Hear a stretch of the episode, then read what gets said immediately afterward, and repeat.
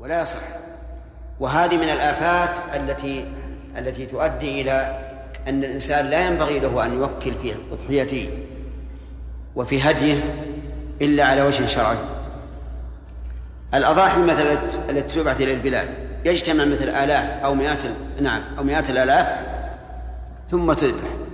عمن والله ما ندري. يجتمع عندنا مثل ألف سهم نذبحها. وه... نعم؟ أي نعم. وهذا من الغلط. ولذلك يجب على طلبة العلم أن يبينوا للناس أن المسألة ما هي ما هي عاطفة. مجرد أن نساق إلى العواطف والحنان على هؤلاء الفقراء. هؤلاء الفقراء لهم طريق آخر وهو بذل الفلوس. أما أضحية مشروعة يتولاها الإنسان بنفسه ويأكل منها ويتصدق ويهدي فهذه لها باب آخر. والمهم إنه أنه ينبغي أن تناقش الشركة التي التي تتلقى هذه الدراهم. هل إنهم يفعلون ما ذكرنا أو يجعل الناس شركة شائعة؟ نعم. الظاهر أنهم يعينون حيث يلصقون اسم الشخص نعم. على نفس نفس الشيء. زين طيب. اي تعيين. معلوم لأن لأن اللي بيذبحها يشوف اسمه على على الشاة يمكن انك تاتي يوم النحر وترى ذبيحه طيب الحمد لله. إذا صح هذا بشرك الله بالخير. نعم. شيخ ما حكم الهدية للجزار من لحم الهدي إذا كان للهديه اثر في الفجر؟ اي ما يجوز. وكيف أعلم اذا أعلم ان إنه مثلا إن كانت الحكومة قد قررت هذا؟ بأن الذبح كل شاة مثل 10 ريالات 20 ريال المهم أقل أو أكثر فأعطيه قرر أو إني أعرف أن الجزارين يذبحون بهذا القليل سليم؟ بالنسبة للأضحية زكاة الفطر.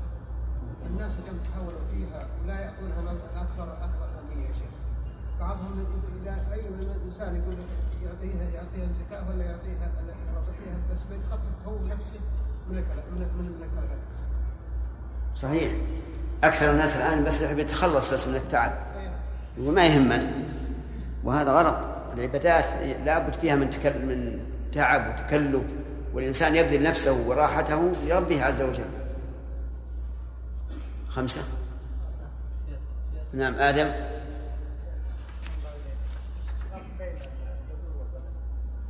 نعم. الجزور الناقة. البدنة تطلق على البدنة والبقرة على الناقة والبقرة وجه الإشكال كيف أن البقرة والجزور واحد؟ نعم. قال هذه من البدن؟ يعني معناه أن كانت البقرة والجزور كلاهما يسمى بدنه.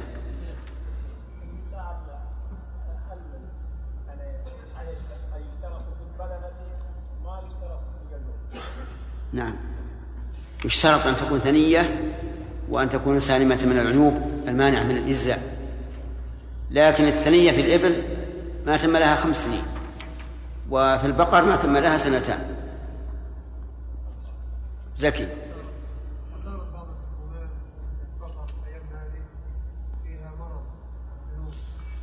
إي نعم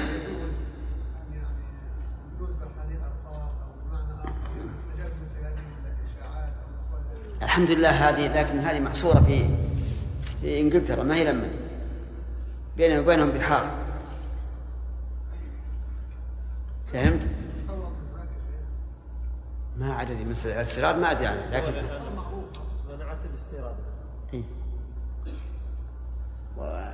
يمكن إشاعات ترى أحيانا تكون مسألة إشاعات ما لها أصل. لأنه كيف مثلا لو كان كذلك كان كل الإنجليز يصيرون مجانين. نعم؟ ما يخالف. كم لهم يأكلون هذا؟ كم لهم يأكلون هذا؟ على كل حال ما ندري. هذه مسائل سياسة سياسية يعني آه، سياسة اقتصاد اقتصاد. ولا ندري عنها. لكن الحمد لله البقر اللي عندنا سالمة من هذا. نعم. باب نحر البدن قياما مقيدا. حدثنا يحيى بن يحيى قال أخبرنا خالد بن عبد الله عن يونس عن زياد بن جبير أن ابن عمر أتى على رجل وهو ينحر بدنته باركة فقال ابعثها قياما مقيدا. سنة نبيكم صلى الله عليه وسلم. صلى الله عليه وسلم. من المعلوم أن الإبل تنحر وما سواها يذبح. فالبقر والضأن والمعز وغيرها مما أحل الله يذبح ذبحا. وأما الإبل فإنها تنحر نحرا. والنحر هو أن أن الجزار يطعنها في الوهدة التي بين أصل العنق والصدر يعني في أسفل العنق. ويكون الجزار قويا نشيطا وتكون الشفرة محددة تماما لأن جلدها غليظ. ثم يجرها على الرقبة وهذا هو النحر الذبح يكون في أعلى الرقبة من عند الرأس. وكل الرقبة محل النحر وذبح لكن الأكمل والأفضل. وكلها يشترط فيها إنهار الدم. لأن النبي صلى الله عليه وسلم قال ما أنهر الدم وذكر اسم الله عليه فكلوا. ونهى عن شريطة الشر عن شريطة الشيطان وهي التي تذبح ولا تفرى أوداجها. لأن لأن الدم لا يخرج إذا لم تفرى الأوداج. واختلف العلماء رحمهم الله هل يشترط مع قطع الودجين الذي به إنهار الدم قطع الحلقوم والمري أو لا؟ وذلك أن الرقبة فيها أربعة أشياء. الودجان والحلقوم والمري. أما الودجان فهما العرقان الغليظان المحيطان بالحلقوم. ومنهما يسيل الدم. وأما المري والحلقوم فالمري مجرى الطعام والشراب والحلقوم مجرى النفس ولهذا جعله الخالق الحكيم عز وجل جعله مقوى من عظام لينة ومضلعة حتى لا يصعب على المخلوق آه، التحرك بالرقبة يمينا وشمالا. من العلماء من قال إن الواجب أن يقطع الحلقوم والمري وأن الذبيحة تحل وإن لم يقطع الوجهين. وهذا القول ضعيف وذلك لأنه لا يمكن إنهار الدم إلا بقطع الوجهين. ومنهم من قال لا بد مع قطع الحلقوم والمري من قطع أحد الوجهين. حتى يصل الدم. ومنهم من قال إذا قطع ثلاثة من الأربعة كفى. ومنهم من قال إذا قطع الوجهين فقط كفى. وهذا أقرب الأقوال. أن العبرة بقطع الأوداج لأن لأن ذلك هو الذي به إنهار الدم. وقد ذكرنا هذا الخلاف وبينا علله في كتابنا الأضحية والزكاة لكن كيف تنحر الإبل. تنحر الإبل قائمة معقولة يدها اليسرى. فيأتيها الجزار من الجانب الأيمن ثم يضربها بقوة في بالسكين الحادة ويجر عليها حتى يشخب الدم وحينئذ تسقط وتموت بسرعة. أسرع من من الشاة وأسرع من البقرة لأن لقرب خروج الدم من القلب. ولهذا بإذن الله تموت على طول. وهذا إذا قدر عليه الإنسان فهو أسهل أسهل للبعير وأسهل للإنسان لا يتكلف شدها شدها وربطها. لكن إذا كان لا يحسن فليس هناك سبيل إلا أن يبركها ويربطها وينحره المستعمل عندنا في في أنهم يبركونها ويشدونها بالحبال ويلون عنقها إلى إلى خلفها حتى يتبين المنحر ثم ينحروها ثم ينحرونها. لكن رأيت في المجزرة في في منى قوم من الأتراك يذبحونها وهي ينحرونها وهي قائمة.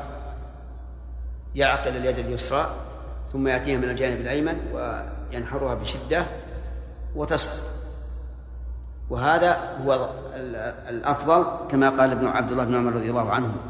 وكما يشير إليه قول الله تعالى فإذا وجبت جنوبها فكلوا منها. طيب لو لو أنه لو أن أحد من الناس أتى على الرقبة بسيف حاد وضرب به الرقبة حتى انفصل الرأس بضربة واحدة أتجزئ؟ نعم. نعم تجزئ لكنه خلاف الأولى. نعم.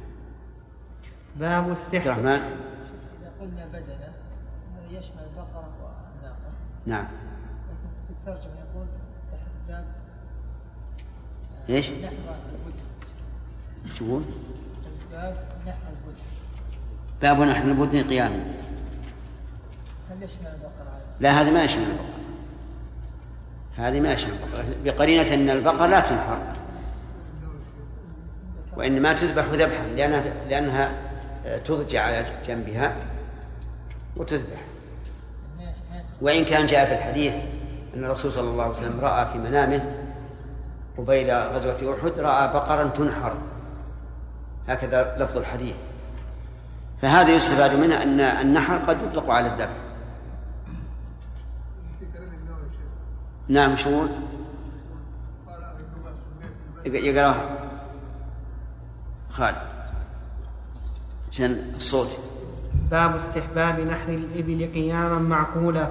قوله ابعثها قياما مقيدة سنة نبيكم صلى الله عليه وسلم أي المقيدة المعقولة فيستحب نحر الإبل وهي قائمة معقولة اليد اليسرى صح في سنن أبي داود عن جابر رضي الله عنه أن النبي صلى الله عليه وسلم وأصحابه كانوا ينحرون البدنة معقولة اليسرى قائمة على ما بقي من قوائمها إسناده على شرط مسلم وأما البقر والغنم فيستحب أن تذبح مضجعة على جنبها الأيسر وتترك رجلها اليمنى وتشد قوائمها الثلاث.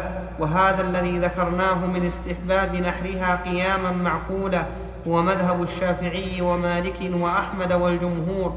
وقال أبو حنيفة والثوري يستوي نحرها قائمة وباركة وباركة في الفضيلة. وحكى القاضي عن طاووس أن نحرها باركة أن نحرها باركة أفضل وهذا مخالف للسنة والله أعلم. هذه زكي؟ ها. هذا.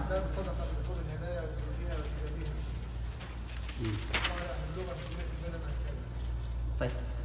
قال أهل اللغة سميت البدنة لعظمها. ويطلق على الذكر والأنثى ويطلق على الإبل والبقر والغنم. هذا قول أكثر أهل اللغة ولكن والغنم؟ سم. والغنم يقول؟ والغنم. غريب. نعم. هذا قول أكثر أهل اللغة ولكن معظم استعمالها في الأحاديث وكتب ولكن. ولكن معظم استعمالها في الأحاديث وكتب الفقه في الإبل خاصة. وفي هذا الحديث فوائد كثيرة منها استحباب سوق الهدي وجواز, وجواز النيابة في نحره والقيام عليه وتفرقته وأنه يتصدق بلحومها وجلودها وجلالها وأنها تجلل واستحبوا أن يكون جلا حسنا وأن لا يعطى الجزار منها لأن عطيته عوض عن عمله فيكون في معنى بيع جزء منها وذلك لا يجوز.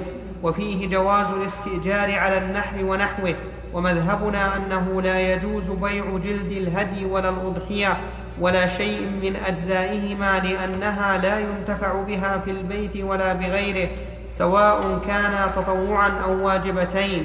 لكن إن كانا تطوعا فله الانتفاع بالجلد وغيره باللبس وغيره ولا يجوز إعطاء الجزار منها شيئا بسبب جزارته بسبب جزارته.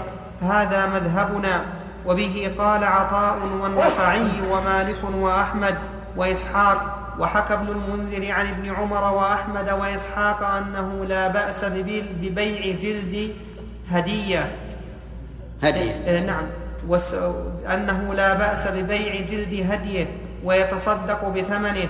قال ورخص في بيعه أبو ثور وقال النخعي والأوزاعي لا بأس أن يشترى به الغربال والمنخل والفأس والميزان ونحوها.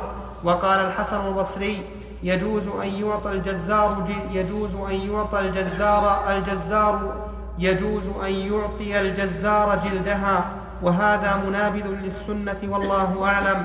قال القاضي التجليل سنة وهو عند العلماء مختص بالإبل وهو مما اشتهر من عمل السلف. قال و... قال وممن رآه مالك والشافعي وأبو ثور وإسحاق قالوا ويكون بعد الإشعار لئلا يتلطخ بالدم. قالوا ويستحب أن تكون قيمتها ونفاستها بسبب حال المهدى. بحسب. بحسب حال المهدي. وكان بعض السلف يجلل بالوشي وبعضهم بالحبرة وبعضهم بالقباطة والملاحف والأذر قال مالك وتشق على الأسنمة إن كانت قليلة الثمن لئلا تسقط. قال مالك وما علمت من ترك ذلك إلا وما علمت من ترك ذلك إلا ابن عمر استبقاء للثياب لأنه كان يجلل يجلل الجلال المرتفعة من الأنباط والبرود والحبر. قال وكان لا يجلل حتى يعدو من منى إلى عرفات. نعم. نعم. قال وكان لا يجلل حتى يغدو من منى إلى عرفات. قال وروي عنه أنه كان يجلل من ذي الحليفة وكان يعقل أطراف الجلال على أذنابها فإذا مشى ليلة نزعها فإذا كان يوم عرفة جللها فإذا كان عند النحر نزعها لئلا يصيبها الدم. قال مالك وأما الجل أو وأما الجل, الجل فينزع في الليل لئلا ليش؟ الجل بالضم؟ بالضم. بالدال عندك؟ لا باللام. زين الجل. وأما الجل فينزع في الليل لئلا يخرقها الشوق قال واستحب إن كانت الجلال مرتفعة أن يترك شقها وألا أن يترك أن يترك شقها وألا يجللها حتى يغدو إلى عرفات. فإن كانت بثمن يسير فمن حين يحرم. يشق ويجلل. قال القاضي وفي شق الجلال الجلال على الأسلمة فائدة أخرى وهي إظهار الإشعار لئلا يستتر تحتها. وفي هذا الحديث الصدقة بالجلال. وه... لعلها بالجلال إن كان مفردة في الضم. الجمع بالكسر. وفي هذا الحديث الصدقة بالجلال وهكذا قاله العلماء. وكان ابن عمر أولا يكسو وكان ابن عمر أولا يكسو يكسوها الكعبة. فلما كسيت الكعبة تصدق بها والله أعلم.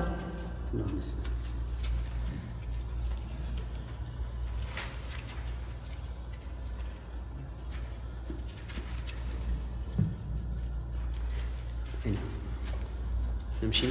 باب استحباب بعث الهدي إلى الحرم لمن لا يريد الذهاب بنفسه واستحباب تقليده وفتل القلائد وأن باعثه لا يصير محرما ولا يحرم عليه شيء بذلك وحدثنا يحيى بن يحيى, بن يحيى ومحمد بن رمح قال أخبرنا الليث حاء وحدثنا قتيبة قال حدثنا ليث عن ابن شهاب عن عروة بن الزبير وعمرة بنت عبد الرحمن أن عائشة قالت كان رسول الله صلى الله عليه وسلم يهدي من المدينة فأفتل قلائد هديه ثم لا يجتنب شيئا مما يجتنب المحرم.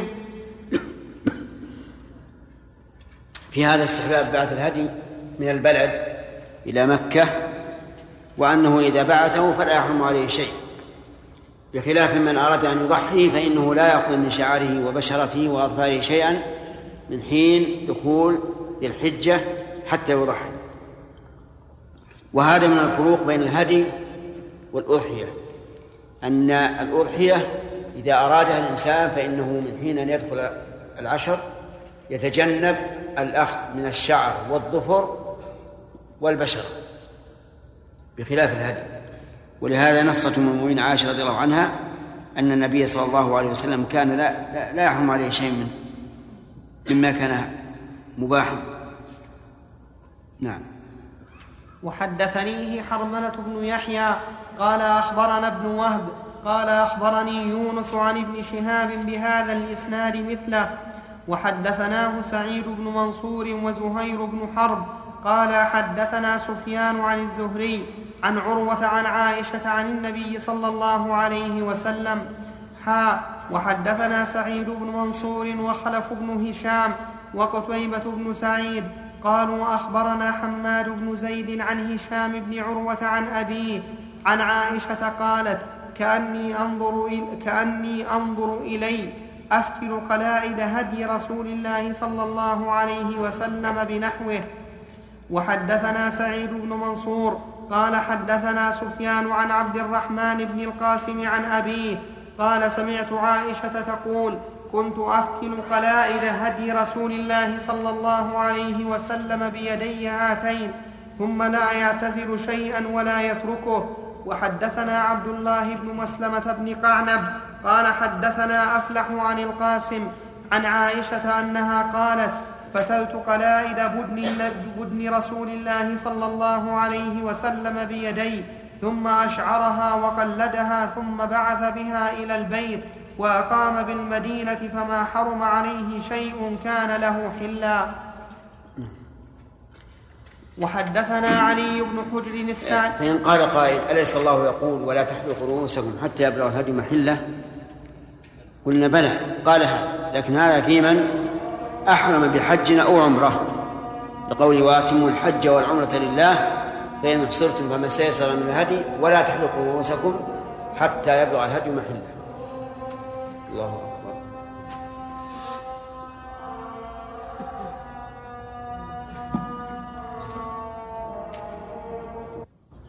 آت محمدا الوسيلة والفضيلة والعثر مقام محمود وعدته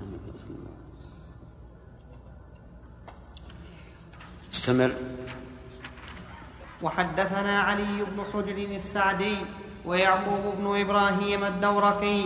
قال ابن حجر حدثنا إسماعيل بن قال حدثنا إسماعيل بن إبراهيم عن أيوب عن القاسم وأبي قلابة عن عائشة أنها قالت كان رسول الله صلى الله عليه وسلم يبعث بالهدي افتل قلائدها بيدي. ثم لا يمسك عن شيء لا يمسك عنه الحلال. وحدثنا محمد بن المثنى قال حدثنا حسين بن الحسن قال حدثنا ابن عون عن القاسم عن أم المؤمنين أنها قالت أنا فتلت تلك القلائد من عهن من عهن كان عندنا فأصبح فينا رسول الله صلى الله عليه وسلم حلالا. يأتي ما يأتي الحلال من أهله. أو يأتي ما يأتي الرجل من أهله. وحدثنا زهير بن حرب قال حدثنا جرير عن منصور عن إبراهيم عن الأسود عن عائشة أنها قالت لقد رأيتني وأنا افتل القلائد وأنا, وأنا افتل القلائد لهدي رسول الله صلى الله عليه وسلم من الغنم فيبعث به ثم يقيم فينا حلالا. وحدثنا يحيى بن يحيى وابو بكر بن أبي شيبة وابو كريب قال يحيى أخبرنا وقال الآخران حدثنا أبو معاوية عن الأعمش عن إبراهيم عن الأسود عن عائشة أنها قالت ربما فتلت القلائد لهدي رسول الله صلى الله عليه وسلم فيقلد هديه ثم يبعث به ثم يقيم لا يجتنب شيئا مما يجتنب المحرم حدثنا وحدثنا يحيى بن يحيى وأبو بكر بن أبي شيبة وأبو كريب قال يحيى أخبرنا أبو معاوية عن الأعمش عن إبراهيم عن الأسود عن عائشة أنها قالت أهدى رسول الله صلى الله عليه وسلم مرة إلى البيت غنما فقلدها. وحدثنا إسحاق بن منصور قال حدثنا عبد الصمد قال حدثني أبي قال حدثني محمد بن جحادة عن الحكم عن إبراهيم عن الأسود عن عائشة قالت كنا نقلد الشاة فنرسل بها ورسول الله صلى الله عليه وسلم حلال لم يحرم عليه منه شيء. حدثنا يحيى بن يحيى قال قرأت على مالك عن عبد الله بن أبي بكر عن عمرة بنت عبد الرحمن أنها أخبرته أن ابن زياد كتب إلى عائشة أن عبد الله بن عباس قال من أهدى هديا حرم عليه ما يحرم على الحاج حتى ينحر, حتى ينحر الهدي وقد بعثت بهديي فاكتبي إلي بامرك قالت عمره قالت عائشة ليست ليس كما قال ابن عباس أنا فتلت قلائد هدي رسول الله صلى الله, صلى الله عليه وسلم بيدي. ثم قلدها رسول الله صلى الله عليه وسلم بيده ثم بعث بها مع أبي فلم يحرم على رسول الله صلى الله عليه وسلم شيء أحله الله له حتى نحر الهدي. وحدثنا سعيد بن منصور قال حدثنا هشيم قال أخبرنا إسماعيل بن أبي خالد عن الشعبي عن مسروق قال سمعت عائشة وهي من وراء الحجاب تصفق وتقول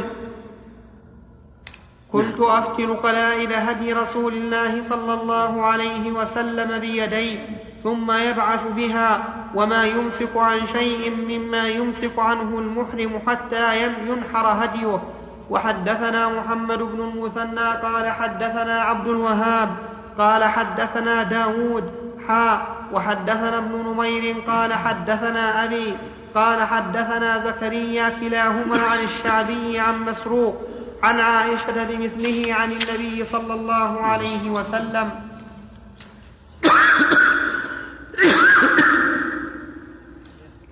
المحدثون اعتنوا بهذا بهذا بهذا الحديث حديث عائشة ورووه بهذه الطرق.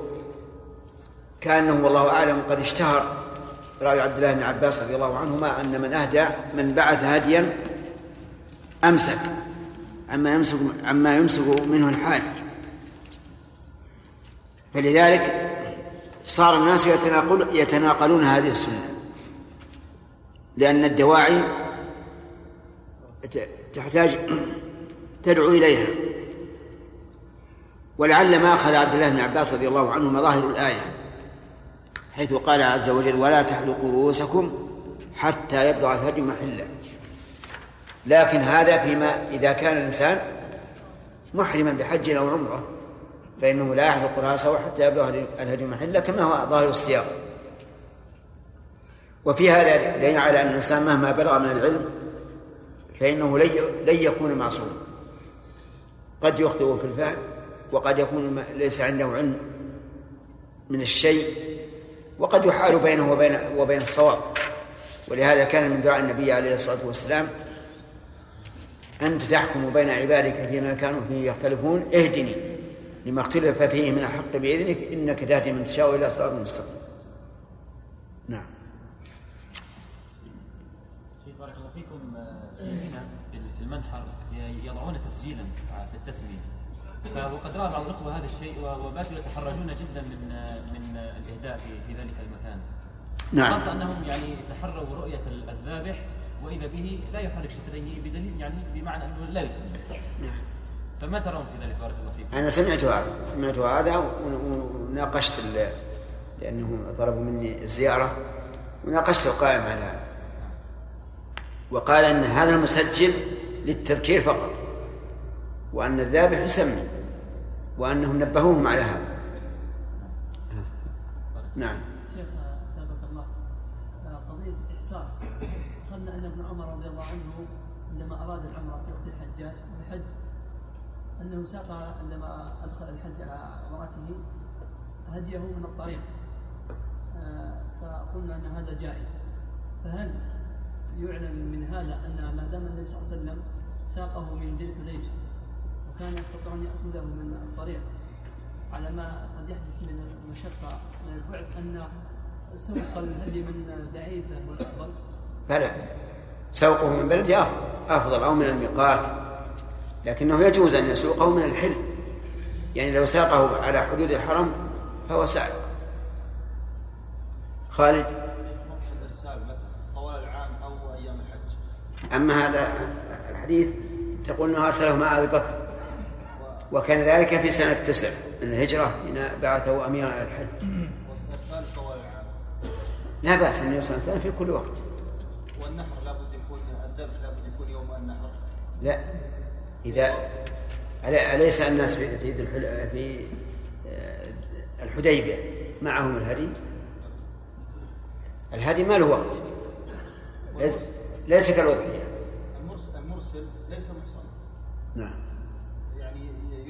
يذبح هدي المر- المرسل المرسل هل هم ما ذبحوا في في ذي القعدة لأجل الإحصار. هم سوف يقدمون مكة. في ذي القعدة ويذبحون الهدي اذا عليه متى ما وصلوا يذبح الهادي ما ما- ليس له وقت. نعم. أحسن الله إليك. إحياء السنة ال- الآن اليوم ما ترون فيه يا شيخ؟ هل يفعل الإنسان هذا من خلال مثلا الآن مت- متعذر صعب جدا. إلا إنسان بي- يح- يحمله في السيارة يمكن. يعني يحمله في ونية إيه يمكن. أقول يمكن. ولا مثلا يوصي أحد مثلا في جدة يشتري له من حول الحرم يمكن؟ إيه يمكن لأنها الآن مندثرة عند الناس. إي نعم. الآن ما أرسل أقول ما أحد يعمل به فيما نعلم لو أرسل واحدة. نعم. أرسل شاة واحدة. أه، وش وش وصى هناك الا كان بالسياره إيه أقول مثل الشاة الواحدة يحصل بها إحياء. إن شاء الله يحصل بها ناس ثلاثة؟ أربعة. باقي واحد؟ نعم؟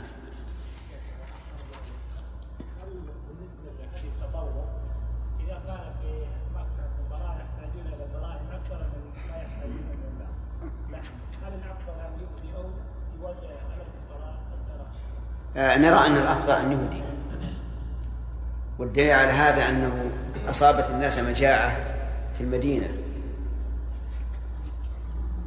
فأمرهم النبي عليه الصلاة والسلام أن يذبحوا ضحاياهم والا يدخروها فوق ثلاث.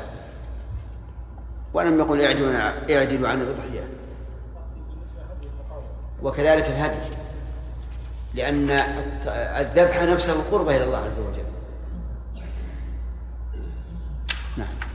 باب جواز ركوب البدنة المهداة لمن احتاج إليها. حدثنا يحيى بن يحيى قال قرأت على مالك عن أبي الزناد عن الأعرج عن أبي هريرة أن رسول الله صلى الله عليه وسلم رأى رجلا يسوق بدنه. فقال اركبها قال يا رسول الله إنها بدنه. فقال اركبها ويلك في الثانية أو في الثالثة.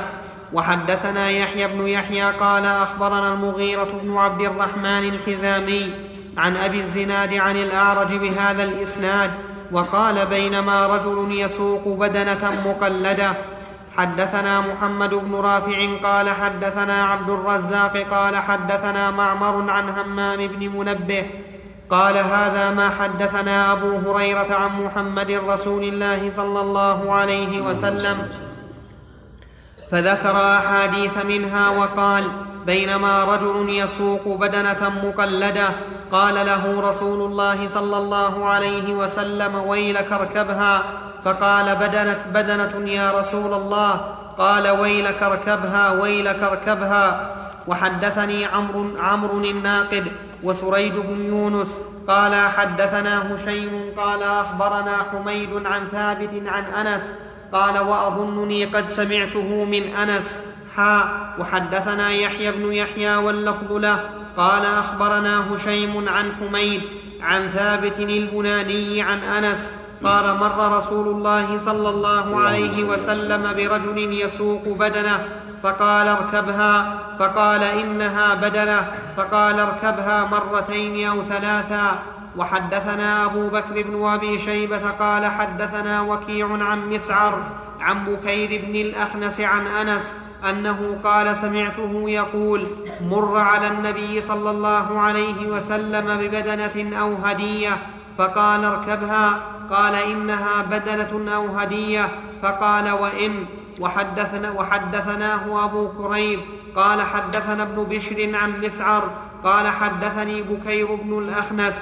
قال سمعت انسا يقول مر على النبي صلى الله عليه وسلم ببدنة فذكر مثله وحدثني محمد بن حاتم قال حدثنا يحيى بن سعيد عن ابن جريج قال أخبرني أبو الزبير قال سمعت جابر بن عبد الله سئل عن ركوب الهدي فقال سمعت رسول الله صلى الله عليه وسلم يقول اركبها بالمعروف إذا ألجئت إليها حتى تجد ظهرا وحدثني سلمة بن شبيب قال حدثنا الحسن بن أعين قال حدثنا معقل عن أبي الزبير قال سألت جابر سألت جابرا عن ركوب الهدي فقال سمعت النبي صلى الله عليه وسلم يقول اركبها بالمعروف حتى تجد ظهرا. في هذا الحديث هذه الأحاديث دليل على ما ترجم له المترجم أنه يجوز أن يركب الهدي إذا احتاج إلى ذلك. فإن قال قائل إن النبي صلى الله عليه وسلم قال للرجل اركبها قال إنها بدنة قال اركبها. وليس في الحديث ما يدل على أنه كان محتاجا فيقال إن النبي صلى الله عليه وسلم لعله رأى الرجل منهكا أو ضعيفا لا يستطيع المشي فأمره أن يفعل. ولهذا قال ويلك يعني ويلك أي الويل لك إن لم تفعل. وفي كون الرسول عليه الصلاة والسلام يدعو عليه بالويل إن لم يفعل لأن الرجل قال إنها بدنة والرسول يقول اركبها ثم إن عليها علامة ظاهرة وهي التقليد مقلدة. والرسول يعلم هذا فكيف يكرر عليه ويعلمه؟ لذلك قال ويلك اركبها. وفي الأحاديثين الذي في آخر السياق أنه لا يركبها إلا إذا اضطر إليها واحتاج. وذلك لأنه لو ركبها بلا حاجة لكان فيه نوع من الرجوع في الصدقة حيث انتفع بها بدون حاجة إلى ذلك. أما إذا احتاج إلى ذلك بأن يكون تعب أو ضعف أو ما أشبه ذلك فهذا لا بأس أن يركب. ثم متى وجد ظهرا؟ يركبه تركها. نعم.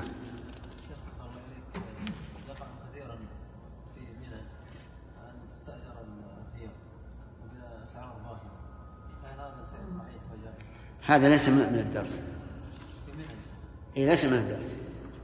نعم فهو الدليل على وجوب ذبح الهدي في الحرم نعم. الدليل على وجوب قوله عليه الصلاة والسلام نحرتها هنا ومنا كلها منع ولم يقل فانحروا فيما شئتم. قال منا كلها منع وتكلمنا على هذا قلنا لولا أنه جاء في الحديث في السنن فجاج مكة طريق ومنحر لقلنا يتعين أن يذبح في منى هل يلحق شرب اللبن بالركوب؟ أي نعم. هذا أولى لأن لأن اللبن بقي أتاه. ولا يذبح ثلاثة. ثلاثة. نعم. باب ما يفعل بالهدي إذا عطب إذا عطب في الطريق. حدثنا يحيى بن يحيى قال أخبرنا عبد الوارث بن سعيد عن أبي التياح الضبعي قال حدثني موسى بن سلمة الهذلي قال انطلقت أنا وسنان بن سلمة معتمرين نعم. أو معتمرين. لا ما أو ما عندنا أو.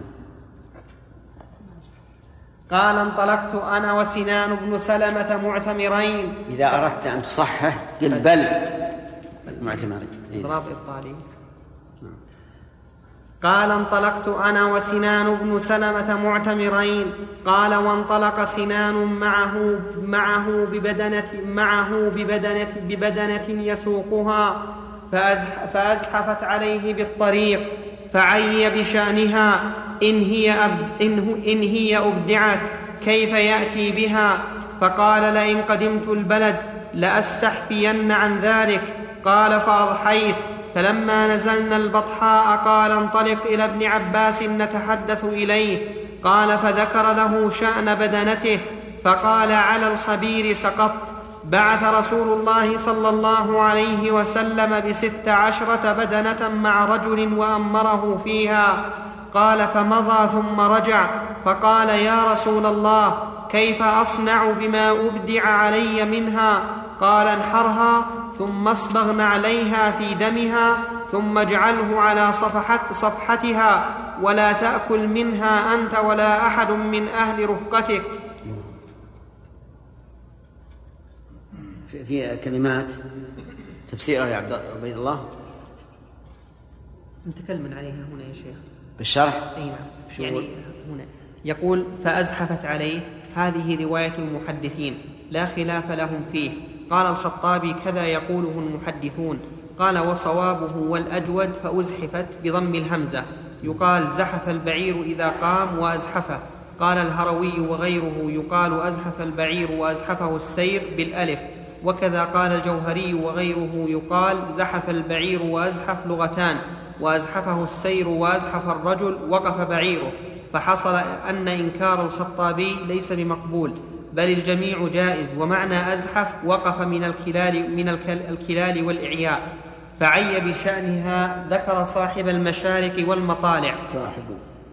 لا صاحبة عندي بالألف. بالألف. ذكر صاحب المشارق والمطالع أنه روي على ثلاثة أوجه. أحدها أو أحدها وهي رواية بل أحدها. أنه روي على ثلاثة أوجه.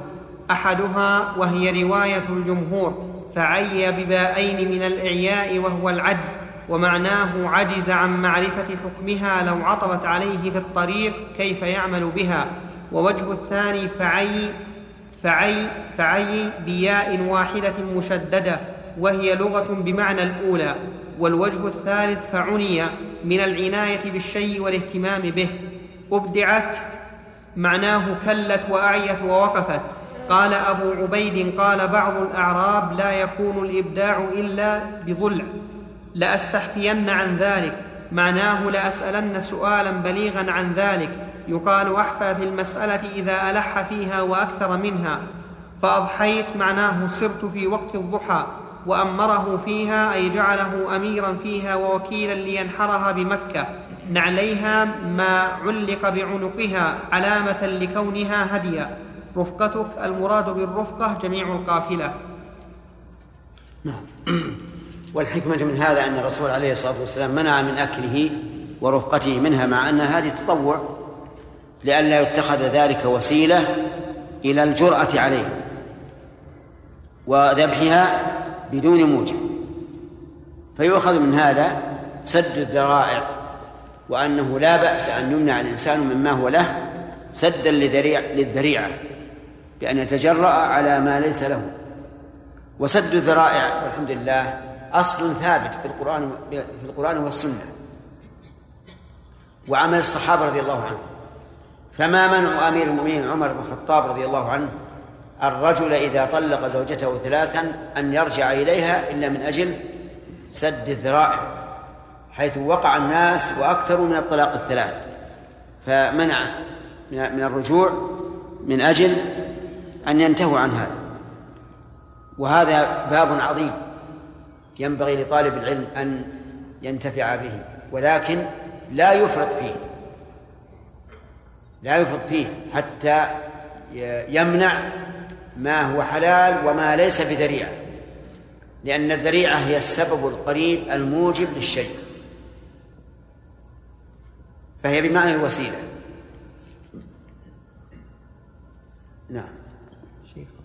أحسن الله إليك. آه، الصحابة رضي الله عنهم في الحديبية حينما حصروا ونحروا نعم. أكلوا من هديهم هو الظاهر الظاهر أكلوا. ويحتمل أن أن أن من ذبح أهدى لمن لأخيه ولم يأكل من من هديه. تبادلوا كما يتعاطى الفقراء صدقة الفطر بعضهم مع بعض. وهذا الرجل يحل له الأكل. نعم. وهذا الرجل الذي أمره النبي عليه الصلاة والسلام يحل له الأكل. قلنا فيه سد للذريعة. لا قال ثم جعله ولا تأكل منها أنت ولا أحد من رفقتك. أي نعم. منعه من أكلها. يحرم عليه الأكل. أي نعم. لو عطبت ما يفعل بها. يذبحها ويخليها للفقراء. لم يكن حوله فقراء. إذا لم يكن يحمله يحمل لحمها إلى مكان فيه فيه الفقراء. وحدثناه يحيى بن يحيى. نعم, نعم.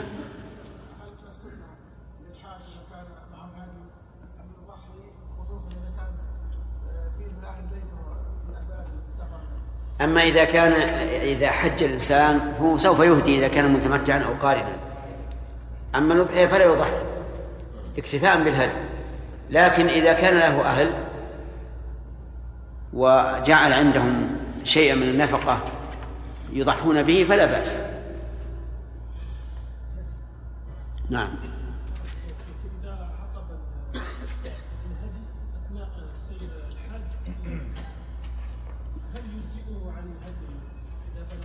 لا هذا هدي التطوع. يجزئه. أما هدي المتعة والقرآن فهذا واجب لا بد أن يكون في يوم النحر. وحدثناه يحيى بن يحيى وابو بكر بن أبي شيبة وعلي بن حجر قال يحيى أخبرنا وقال الآخران حدثنا إسماعيل بن عليا عن أبي التياح عن موسى بن سلمة عن ابن عباس أن رسول الله صلى الله عليه وسلم بعث بثمان عشر بعث بثمان عشرة بدنة مع رجل ثم ذكر بمثل حديث عبد الوارث ولم يذكر أول الحديث. حدثني أبو غسان المسلم كون الأول يقول ستة عشرة وهذا ثمان عشرة لا يضر مثل هذا الاختلاف. ولو يقال إن هذا يجعل الحديث مضطربا لاختلاف الرواة فيه لأن المقصود الذي هو الحكم لا يتأثر بكونها ثمانية عشر أو أو ستة عشر.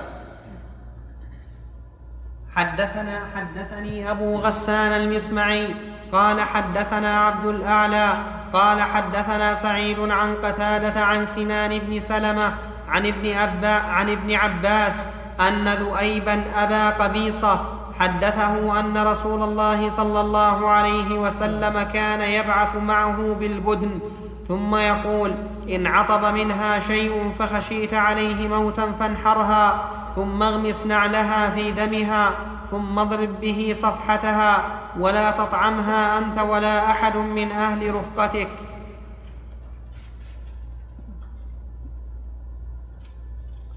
باب وجوب طواف الوداع وسقوطه عن الحائض. حدثنا سعيد بن منصور وزهير بن حرب قال حدثنا سفيان عن سليمان الأحول عن سليمان الأحول عن طاووس عن ابن عباس قال كان الناس ينصرفون في كل وجه. فقال رسول الله صلى الله عليه وسلم لا ينفرن أحد حتى يكون آخر عهده بالبيت. قال زهير ينصرفون كل وجه ولم يقل فيه.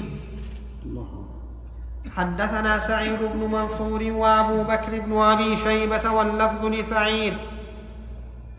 قال حدثنا سفيان عن عن ابن طاووس عن أبيه عن ابن عباس أنه قال أمر الناس أن يكون آخر عهدهم بالبيت إلا أنه خفف عن المرأة الحائض. حدثني محمد بن حاتم قال حدثنا يحيى بن سعيد عن ابن جريج قال أخبرني الحسن بن مسلم عن طاووس قال كنت مع ابن عباس إذ قال زيد بن ثابت تفتي أن, تفتي أن تصدر الحائض قبل أن يكون آخر عهدها بالبيت. فقال له ابن عباس إما لا فسل فلانة الأنصارية هل أمرها بذلك رسول الله صلى الله عليه وسلم؟ قال فرجع زيد بن ثابت إلى ابن عباس يضحك وهو يقول ما أراك إلا قد صدقت. حدث قول إما لا يعني إلا إن لم تقتنع وهي مركبة من إن الشرطية وما الزائد للتوكيد والمعنى إلا تقتنع. فاسأل.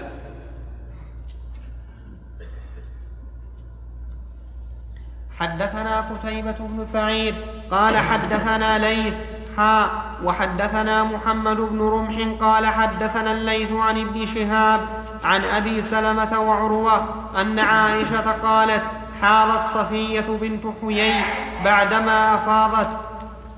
قالت عائشة فذكرت حيضتها لرسول الله صلى الله عليه وسلم. نتكلم عن طواف الوداع. طواف الوداع واجب على من أراد السفر إلى بلده. إذا كان حاجا أو معتمرا على القول الراجح. لأن العمرة حج كما سماها النبي صلى الله عليه وسلم في حديث عمرو بن حزم المرسل المتلقى بالقبول. قال هي الحج الأصغر. ولكن وجوب طواف الوداع لم لم لم يثبت إلا بعد أن انتهت العمر التي اعتمرها الرسول عليه الصلاة والسلام. ولهذا لا يمكن أن يقال إن الرسول صلى الله عليه وسلم حج اعتمر ثلاث عمر ولم يأمر الناس بذلك.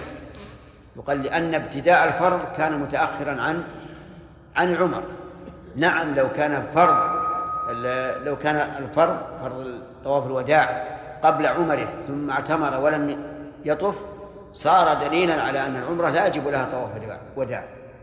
وأما أنه لم يجب إلا في حجة الوداع فلا يمكن أن يكون في ترك الوداع في عمره دليل دليل على أن الوداع لا يجب في العمرة. ثم إن العمره التي اعتمرها النبي عليه الصلاة والسلام. عمرة القضاء وكانت في السنة السابعة وعمرة الجعرانة في السنة الثامنة. لكن عمرة الجعرانة دخلها ليلا أي دخل مكة ليلا وخرج منها على الفور. فلم يكن عليه طواف وداع. حتى لو فرض أنه واجب لم يكن عليه طواف وداع لأنه طاف وسعى وخرج. فالراجح أنه يجب طواف الوداع على الحاج والمعتمر. لكن من طاف وسعى وقصر ومشى في العمرة كفاه. لأن عائشة رضي الله عنها اعتمرت بعد أن انتهى الحج فكفاها طوافها في العمرة عن طواف الوداع. ولكنه يسقط عن عن الحائل والدليل هذه الأحاديث التي ساقها المؤلف رحمه الله تعالى. فالحائض لا يلزمها أن تطوف الوداع أما طواف الإفاضة طواف الحج فلا يسقط عن الحائل. لا بد أن تطوف. لكن ماذا تفعل إذا كان إذا كانت لم تطف لم تطف طواف الإفاضة؟ ورفقتها لن ينتظروها. ولا, ولا يمكن أن ترجع. فماذا تصنع؟ قال بعض العلماء تعتبر محصرة. محصرة. يجب عليها أن تذبح هديا وتنصرف إلى إلى بلدها. وعلى هذا القول لا يكون لها حج لأنها لم تأتي ركنا من أركان الحج. وقال بعضهم بل تطوف ويجب عليها فدية لتركها واجب واجب الطواف والطهارة. وقال بعضهم تبقى على إحرامها حتى تقدر على البيت أو تموت. وهذا القول فيه مشقة عظيمة لأن على هذا القول يجب عليها أن تتجنب جميع جميع محظورات الإحرام إلا إلا الجماع والنكاح وما أشبه ذلك وفيه مشقة عليها واختار الشيخ الإسلام رحمه الله قولا هو الراجح. أنها إذا لم يمكنها أن ترجع ولم يمكن أن ينتظرها آه، رفقتها فإنها في هذه الحال تتلجم يعني تجعل حفاظة على فرجها وتطوف وتكون طواف ويكون طوافها هنا للضرورة. وهذا هو الذي لا يسع الناس إلا إلا هو. ولكن لا يجوز أبدا أن نفرط في هذا الأمر. فنقول مثلا من من حاضت ولم ولم يمكن لرفقتها أن يبقوا معها فإنها تتلجم وتمشي ولو كان ولو كان سفرها إلى إلى جدة مثلا أو إلى المدينة أو إلى الرياض لأن هذا غلط. لأن جميع اللي في المملكة يمكنها أن يمكنها أن ترجع إذا طهرت ولا ولا يشق عليها. والله موفق ها؟ النعمي. ها؟ يقول هل يستفاد من الأحاديث الواردة في جواز الطواف على البعير أنه يجوز إدخال ما يؤكل لحمه من الحيوانات داخل الحرم مثل الغنم؟ لا بأس. لكن استدل بعض العلماء بذلك على طهارة آه، أرواث الإبل وأبوالها. قال لأن البعير ربما لا تخلو من ذلك. ولكن هناك دليل أهون أصح منه أن العرانيين أمرهم النبي عليه الصلاة والسلام أن يشربوا من أبوال الإبل وألبانها ولم أمرهم بغسل الأواني. وهذا عبد الله عوض. عندك. سؤال يتعلق بشخصين. أحدهما يقول إنه بعد التحلل الأول حصل منه نظر لعورة امرأة مغلظة فأنزل نتيجة ذلك. هل عليه كفارة أم لا؟ والآخر يقول اصبر اصبر. نعم. هل كرر النظر أو لا؟ إن كان كرر النظر فهو آثم. نظرة فقط. يقول حصل مني نظر ما ما ما كرر. النظر اسأل إن كان مكرر النظر فهو آثم. فهو آثم وعليه على رأي الفقهاء كفارة أذى. يعني إطعام ست مساكين لكل مسكين الصاع أو ذبح شاة أو صيام ثلاثة أيام. وإن كان مجرد نظرة واحدة لكن بدأ يفكر فليس عليه شيء. والثاني؟ يقول كنت أظن أن الجماع في نهار رمضان لا يوجب إلا قضاء اليوم مع الإثم نعم. قال فشاوره الشيطان بأن جامع زوجته في رمضان. ثم بعد ذلك قال عرفت أن علي كفارة مغلظة. نعم. قال فلجأت إلى ما هو الأسهل فأطعمت ستين مسكينا. إلى ما هو الأسهل. إي. ولا ما هو ترتيب؟ إيه قال لجأت إلى ما هو الأسهل ما رتبت إيه, إيه. قال الأسهل عليه نعم. قال فأطعمت ستين مسكينا. فقال هل تجب الكفارة عليه؟ عرف أن الأسهل ما يجوز. نعم. بس يقول هل تجب عليه الكفارة والحالة هذه؟ أي نعم. تجب عليه الكفارة وما تصدق به فهو إطعام ما أطعمه فهو صدقة وعليه أن يصوم شهرين متتابعين أو يعتق رقبة وهي الدرجة الأولى نعم الحمد لله رب العالمين وصلى الله وسلم وبارك على عبده ورسوله نبينا محمد وعلى آله وأصحابه أجمعين. أما بعد فقد قال الإمام مسلم رحمه الله تعالى في كتاب الحج حدثنا قتيبة بن سعيد قال حدثنا ليث. في كتاب الحج في باب طواف الوداع. باب وجوب طواف الوداع. في باب وجوب طواف الوداع وسقوطه عن الحائض. حدثنا قتيبة بن سعيد قال حدثنا ليث وحدثنا محمد حاء وحدثنا محمد بن رمح قال حدثنا الليث عن ابن شهاب عن أبي سلمة وعروة أن عائشة قالت حاضت صفية بنت حيي بعدما أفاضت قالت عائشة فذكرت حيضتها لرسول الله صلى الله عليه وسلم فقال رسول الله صلى الله عليه وسلم احادثتنا هي؟ قالت فقلت يا رسول الله إنها كانت إنها قد كانت أفاضت وطافت بالبيت ثم حاضت بعد الإفاضة. فقال رسول الله صلى الله عليه وسلم فلتنفر.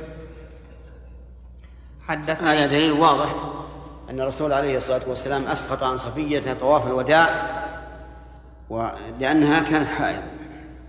لكنه لم يسقط طواف الإفاضة عن الحائض. وقد سبق الليلة الماضية أن ذكرنا أن العلماء رحمهم الله اختلفوا فيما إذا حاضت قبل طواف الإفاضة. فمنهم من قال تكون كالمحصرة فتذبح هديا وتحل من إحرامها لكن لا يحسب لها الحج. ومنهم من قال تطوف وتفدي بدم. ومنهم من قال تبقى على إحرامها حتى تطوف ولو سافرت إلى بلدها وحينئذ آه، لا يحل لها من محظورات الإحرام نعم وحينئذ يبقى عليها من محظورات الإحرام إيش؟ الجماع و... ودواعي كل ما يتعلق بالنساء. ومنهم من قال إنها تتحفظ يعني تجعل حفاظة على فرجها ثم تطوف للضرورة. وهذا ذكرنا أنه أقرب الأقوال إلى الصواب وأنه اختيار الشيخ الإسلام ابن تيمية ووقع منا سهو البارحة في حول هذه المسألة فل- فليصحح. نعم. حدثني أبو الطاهر وحرملة بن يحيى وفي قول أحابستنا هي دليل على أنه يجب آه، أن ينتظر الناس الحيض من النساء. لقوله أحابستنا هي لكن إذا لم يفعلوا فتأتي الأقوال التي أشرنا إليها. آه، أما إعراب حابستنا هي ف- فيجوز فيها وجهان. الأول أن تكون حابسة خبر خبرا مقدما. يعني أهي حابسة. والثاني أن تكون حابسة مبتدأ وهي فاعل أغنى عن الخبر. حدثني أبو الطاهر وحرملة بن يحيى وأحمد بن عيسى. قال أحمد حدثنا وقال الآخران أخبرنا ابن وهب. قال أخبرني يونس عن ابن شهاب بهذا الإسناد. قالت طمثت صفية بنت حيي زوج النبي صلى الله عليه وسلم في حجة الوداع بعدما أفاضت طاهرا بمثل حديث الليث. وحدثنا قتيبة يعني ابن سعيد قال حدثنا ليث حاء وحدثنا زهير بن حرب قال حدثنا سفيان حاء وحدثني محمد بن المثنى قال حدثنا عبد الوهاب قال حدثنا أيوب كلهم عن عبد الرحمن بن القاسم عن أبيه عن عائشة أنها ذكرت لرسول الله صلى الله عليه وسلم أن صفية قد حاضت بمعنى حديث, بمعنى حديث الزهري. وحدثنا عبد الله بن مسلمة بن قعنب قال حدثنا أفلح عن القاسم بن محمد عن عائشة أنها قالت كنا نتخوف أن تحيض صفية قبل أن تفيض. قالت فجاءنا رسول الله صلى الله عليه وسلم فقال أحابستنا صفية؟ قلنا قد أفاضت. قال فلا إذن. حدثنا يحيى بن يحيى قال قرأت على مالك عن عبد الله بن أبي بكر عن أبيه عن عمرة بنت عبد الرحمن عن عائشة أنها قالت لرسول الله صلى الله عليه وسلم يا رسول الله إن صفية بنت حيي قد حاضت. فقال رسول الله صلى الله عليه وسلم لعلها تحبسنا ألم تكن قد طافت معكن بالبيت؟ قالوا بلى. قال فاخرجن. حدثني الحكم بن موسى قال حدثني قال حدثني يحيى بن حمزة عن الأوزاعي لعله قال عن يحيى بن أبي كثير عن محمد بن إبراهيم التيمي عن أبي سلمة عن عائشة أن رسول الله صلى الله عليه وسلم أراد من صفية بعض ما يريد الرجل من أهله فقالوا إنها حائض يا رسول الله. قال وإنها لحادثتنا. فقالوا يا رسول الله إنها قد زارت يوم النحر. قال فلتنفر معكم. حدثنا محمد بن المثنى وابن بشار. قال حدثنا محمد بن جعفر. قال حدثنا شعبة. حاء وحدثنا عبيد الله بن معاذ واللفظ له. قال حدثنا أبي. قال حدثنا شعبة عن الحكم. عن إبراهيم عن الأسود عن عائشة قالت لما أراد النبي صلى الله عليه وسلم أن ينفر إذا صفيه على باب خبائها كئيبة حزينة فقال عقرى حلقا إنك لحابستنا.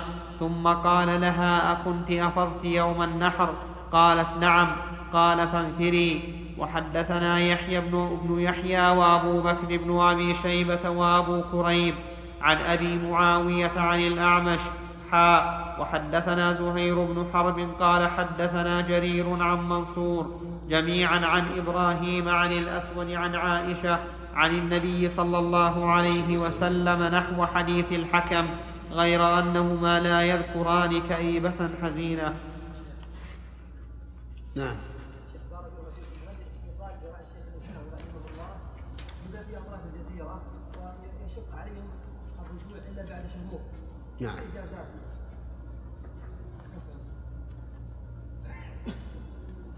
الظاهر إنه لا يشق لا يشق على أهل الجزيرة لأنه من الممكن أنه يسترخص المحرم لمدة يوم أسبوع أو يومين أو ثلاثة حسب البعد والقرب وسهول المواصلات ما في اربعه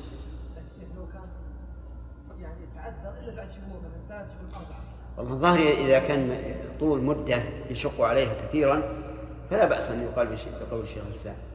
لكن هذا لا يتابع لأن تعرف الناس الآن لو لو قيل لهم بهذه الفتوى لك لا تساهل. وصار ما ليس بمشقة مشقة.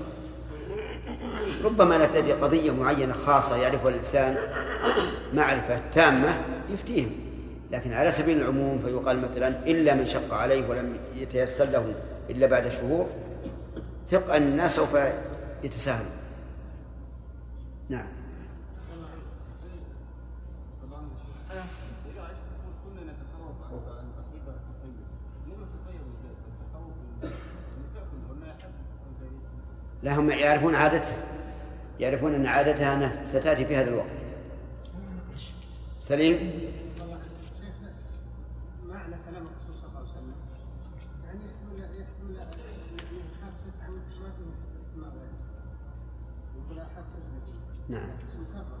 صح. احتمالات يعني؟ ما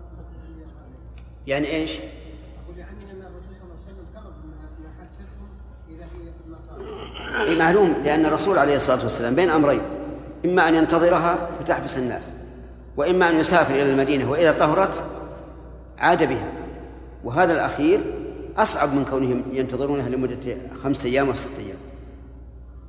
بعض الناس يترخص لا غلط ترخص غلط والمسألة ركن من أركان الحج مو هين نعم يؤخذ من قصة صفية رضي الله عنها على رد على من قائلين بوجوب طواف الوداع يوم العيد. طواف الإفاضة. طواف الإفاضة يوم العيد. نعم. يؤخذ لأن الرسول قرها أنها لم لو لم تطف. لا ما, ما يؤخذ لأن الحيض قد يتقدم. قد يتقدم. يعني قد يكون يوم العيد. فلا تتمكن. نقول لك الرسول صلى الله عليه وسلم حينما سألها نعم. دليل على أنه يمكن أن لا تطف يمكن أنها لم تطف إيه يمكن أن لا تضوف لتقدم الحيض. لأن تقدم الحيض يوم العيد ممكن. يكون ما طافت يوم العيد. لا ما في ذلك ما في ذلك لكن الرد الحمد لله أن الحديث ما هو صحيح وننتهي منه. نعم. هذا يقال يقال على ضرب الأمثال. وعقرة حلقة يعني العقر معروف. عقر ال- الإبل بقطع أعضائها وما أشبه ذلك. ويقال عقرك الله أي أصابك بالعقر. وأما حلقة فمعناها ذات المصيبة لأنه في الجاهلية تحلق المرأة رأسها لل- للمصيبة.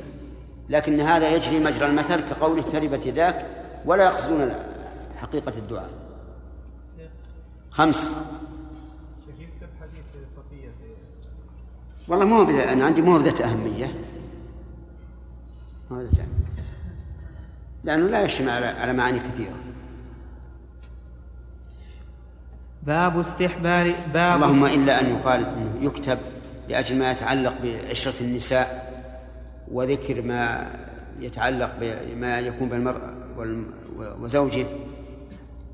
يمكن يعني مثل يقول الرجل أراد من زوجته كذا أو ما أشبه ذلك. مع أن هذا أمر بالنسبة لعرفنا أمر يستحي منه غاية الاستحياء. نعم. لا عاد اللطائف الإسنادية. ما نعتبرها أقول ما ما نعتبرها ذات أهمية كثيرة. نعم. باب استحباب دخول الكعبة للحاج وغيره والصلاة فيها والدعاء في نواحيها كلها. حدثنا يحيى بن يحيى التميمي قال قرأت على مالك عن نافع عن ابن عمر أن رسول الله صلى الله عليه وسلم دخل الكعبة هو وأسامة وبلال وعثمان بن طلحة الحجبي فأغلقها عليه حجب نعم. وعثمان بن طلحة الحجبي فأغلقها عليه ثم مكث فيها. قال ابن عمر فسألت بلالا حين خرج ما صنع رسول الله صلى الله عليه وسلم؟ قال جعل عمودين عن يساره وعمودا عن يمينه. وثلاثة أعمدة وراءه وكان البيت يومئذ على ستة أعمدة ثم صلى. حدثنا أبو الربيع الزهراني وقتيبة بن سعيد وأبو كامل الجحدري كلهم عن حماد بن زيد. قال أبو كامل حدثنا حماد. قال حدثنا أيوب عن نافع عن ابن عمر. قال قدم رسول الله صلى الله عليه وسلم يوم الفتح.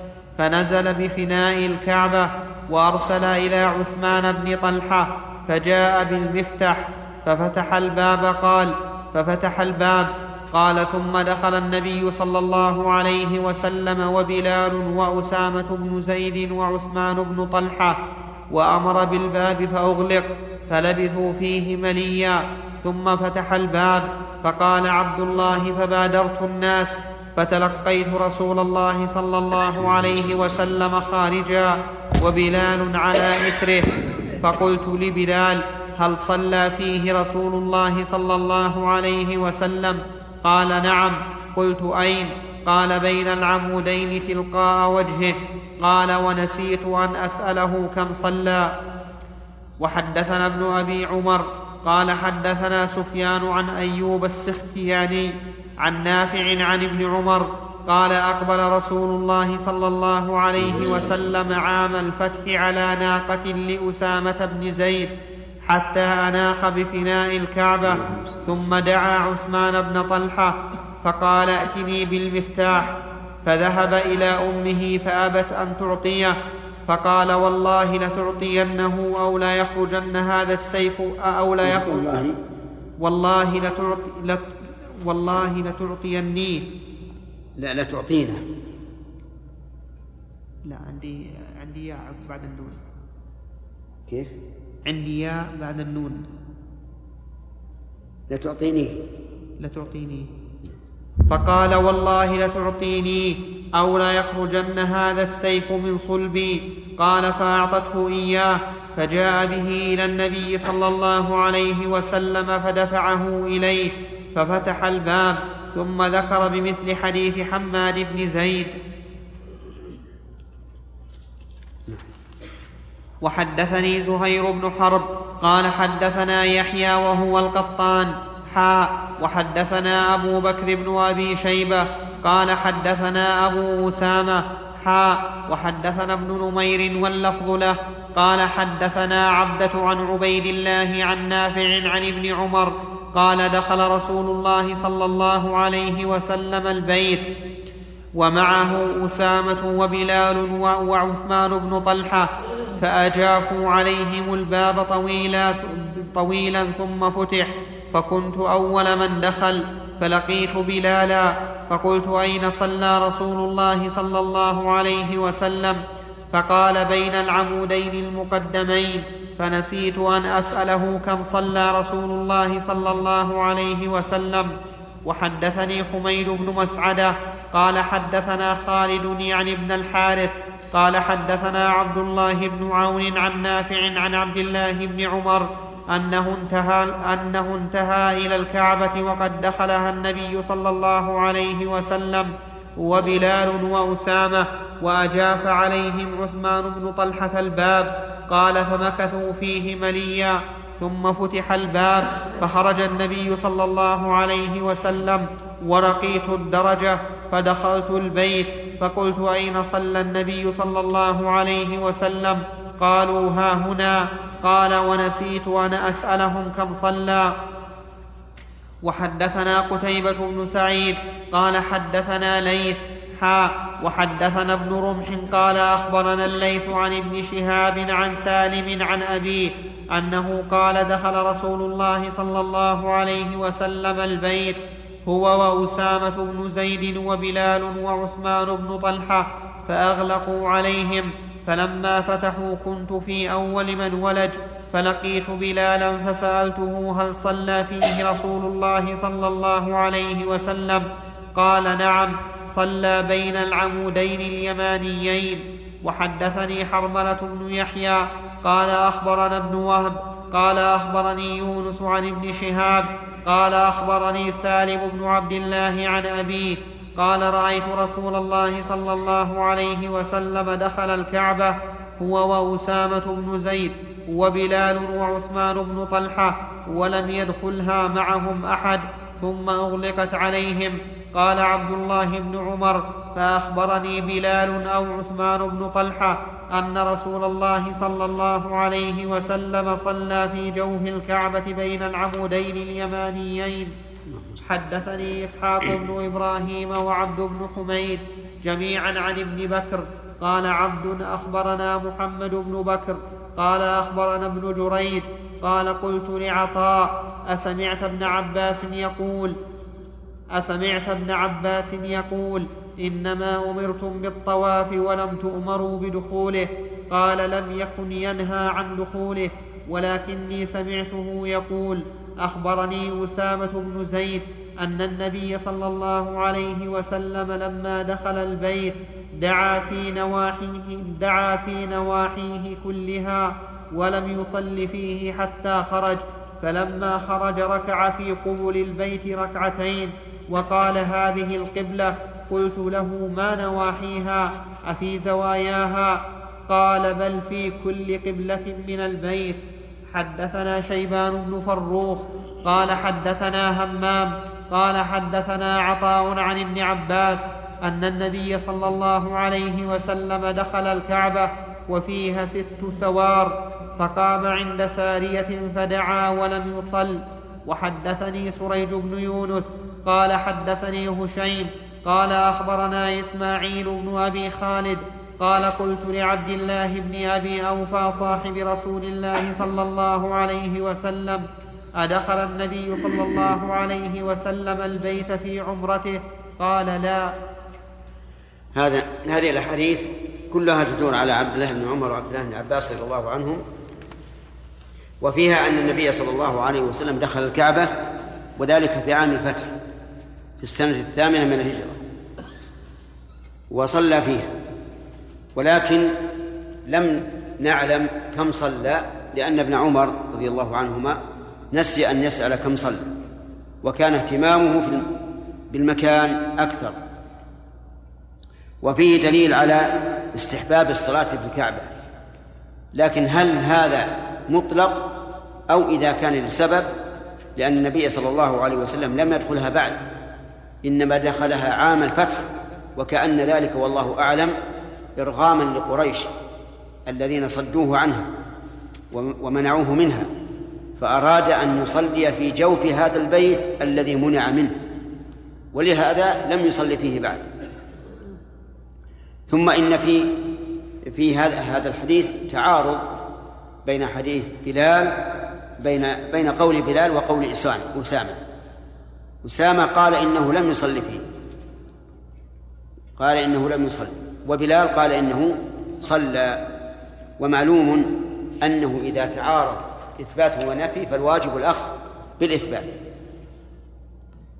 ومن العلماء من قال نجمع بينهما بأن يكون المراد بالصلاة الدعاء أي في قول بلال إنه صلى. ويكون أسامة موافقا لبلال فإنه قال إنه دعا ولم يصلي لكن هذا يمنعه قول ابن عمر نسيت وأن أن أسأله كم كم صلى. فإن هذا صريح.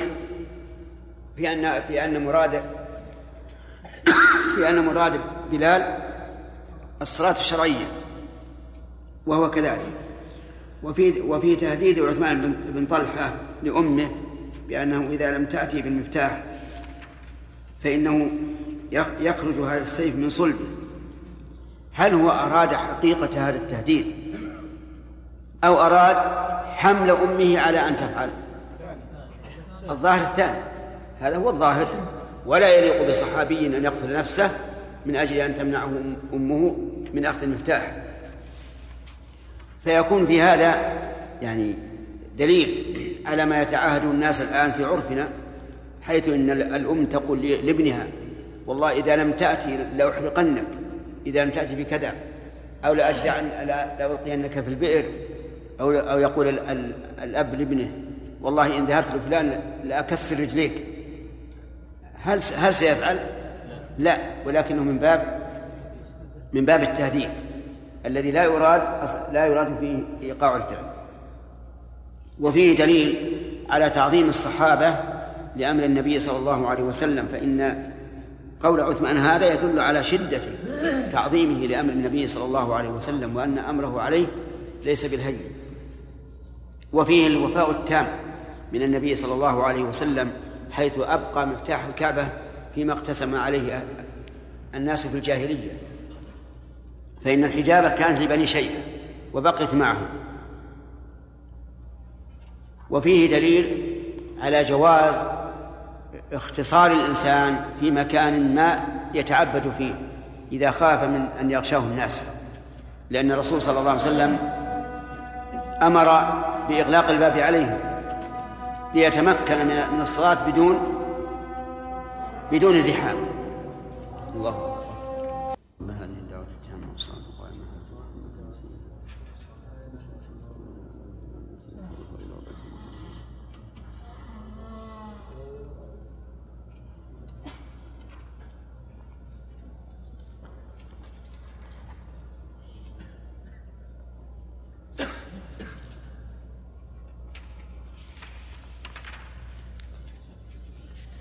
نعم ما ما السفر الذي يجب به على على المحرم ان يطوف طواف الوداع بالليل؟ هل هو خروجه من مكه نفسها أو من الحرم كله أو إلى وهل هو إلى بلده أو إلى اي بلد؟ ذكرناه البارحة. البارحة ذكرناه؟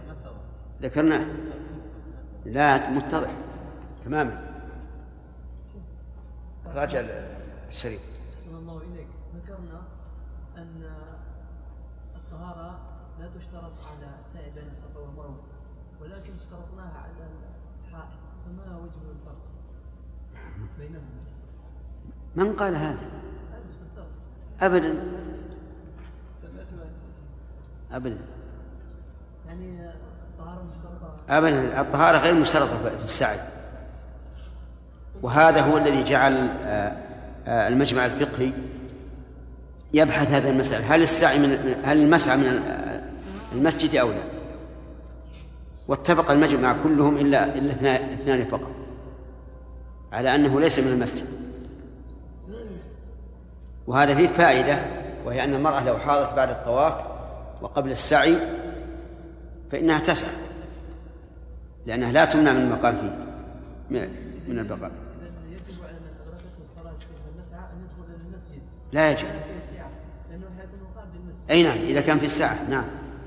أي نعم. نعم. ثم خرج مباشرة. إيش؟ إذا اعتمر الرجل ثم أراد أن يخرج مباشرة بعد انتهاء العمرة. فهل نقول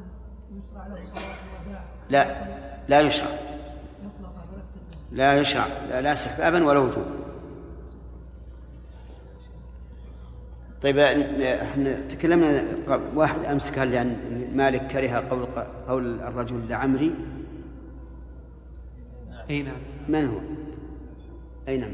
اجمع اجمع الأحاديث الواردة في لعمري علشان تعرف الحكم. اجمعها مما مر علينا في مسلم. وغيره. وراجع آه، المعجم المفهرس في الفاظ الحديث عشان تعرف مواضعها. نعم. لا مهم موجودة في القرآن. مهم موجودة. لعمرك نسأل عن لعمري. نعم. أخذنا ثلاثة.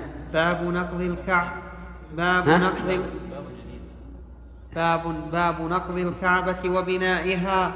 حدثنا يحيى بن يحيى قال أخبرنا أبو معاوية عن هشام بن عروة عن أبيه عن عائشة أنها قالت قال لي رسول الله صلى الله عليه وسلم لولا حداثة عهد قومكم قومك بالكفر لنقضت الكعبة ولجعلتها على أساس إبراهيم. في ال- في الأحاديث السابقة دليل على أن الإنسان ينبغي له إذا دخل الكعبة أن يكبر في نواحيها يعني يقف عند كل جدار ويدعو الله عز وجل ويكبر كما فعل النبي صلى الله عليه وسلم وها وداخلها فيه أعمدة وفيه أيضا سلم للدرج للوصول إلى السقف لكنه ليس مستطيلا إنما هو في ربعة من الربع ويصعده الإنسان دورانا لأن مساحته قصيرة أتصورتم هذا؟ لا. لا حتى يصل إلى السقف نعم. و و وأذكر أن أنني دخلتها مرة في زمن الصغر. بعد الظهر. وأذن العصر ونحن في- داخلها مع جماعة من الناس. وأقيمت الصلاة وصلوا الناس. ونحن في داخلها. وصعدنا إلى إلى إلى فوق إلى السطح. وإذا الناس يصلون. لكننا لا- لم نصلي. أظن إن نسيت لا ما أدري صلينا في جوفها أو أو انتظرنا حتى نزلنا لكن في ذاك الوقت العدد قليل الناس قليل جدا. يعني يدخل الإنسان بسهولة ويخرج بسهولة. نعم. ويمكن الوصول إلى السطح من خلال جوف الكعبة؟ إنه هو جبل الكعبة. الربع الزا- الزاوية هذه. موضوع فيها بناء. إلى فوق يعني متر في متر. و- والدرج مستدير. حلزوني. ها؟ حلزوني. حلزوني. حلزون. إلى إلى فوق. فوق فيها يعني فرجة ي- ي- يدخل مع الإنسان وينزل. أي نعم. نعم استقباله يعني. في قبول في استقباله حدثنا والصلاة الصحيح أنها تصح في جوفها وفي وفوق. لأن فوق فيه جدار فيه جدار في في جدار يمكن حول المتر إلا ربع تقريبا. نعم. إيش؟ اي هذا قديم. في سلم وضع سلم صغير على قدر الباب. سلم صغير يصعد الناس منه. ولا في زحام ولا شيء. يصعد الناس واحد واحد. العواميد ما زالت موجودة يا شيخ. موجودة. إي نعم. إلى الآن موجودة. وفيها هي مكسوة. مكسوة ب... يقولون اللي, اللي, اللي- معي ذاك اليوم يقولون هذه عود بخور مكسوة بخشب مثل هذا لونه مثل هذا لكن يقول انه إنه بخور. نعم. من داخل. يعني لونه بني ويقول إنه بخور. في داخله. إلى الآن إلى الآن؟ إيه؟ الظاهر إنه إلى الآن. ها؟ ما دخلتوها ها؟ أقول دخلتوها مرة ثانية. لا لا ابدا. ما دخلناه بعد. عجيب اي نعم. هي نعم. باب نقض الكعبة وبنائها.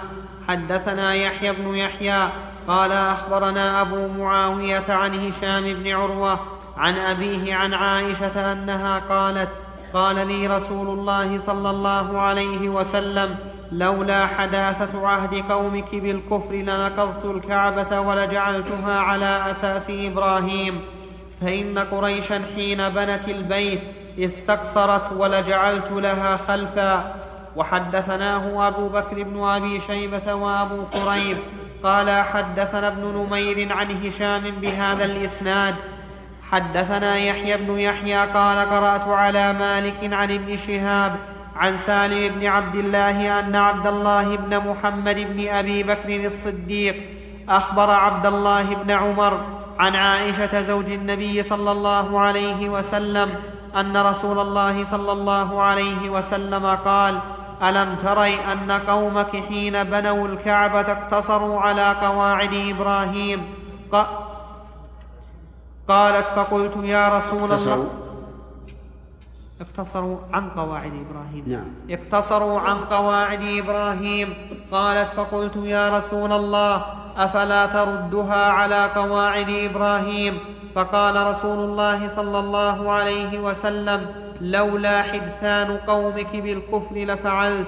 فقال عبد الله بن عمر فقال عبد الله بن عمر لئن كانت عائشة سمعت هذا من رسول الله صلى الله عليه وسلم ما أرى رسول الله صلى الله عليه وسلم ترك استلام الركنين اللذين يليان الحجر إلا أن البيت لم إلا أن ال... نعم.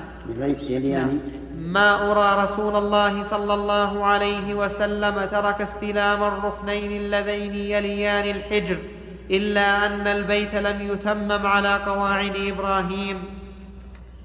وهذا الذي راه ابن عمر هو الظاهر أن الرسول عليه الصلاة والسلام كان يستلم الركنين اليمنيين لأنهما بقيا على قواعد إبراهيم.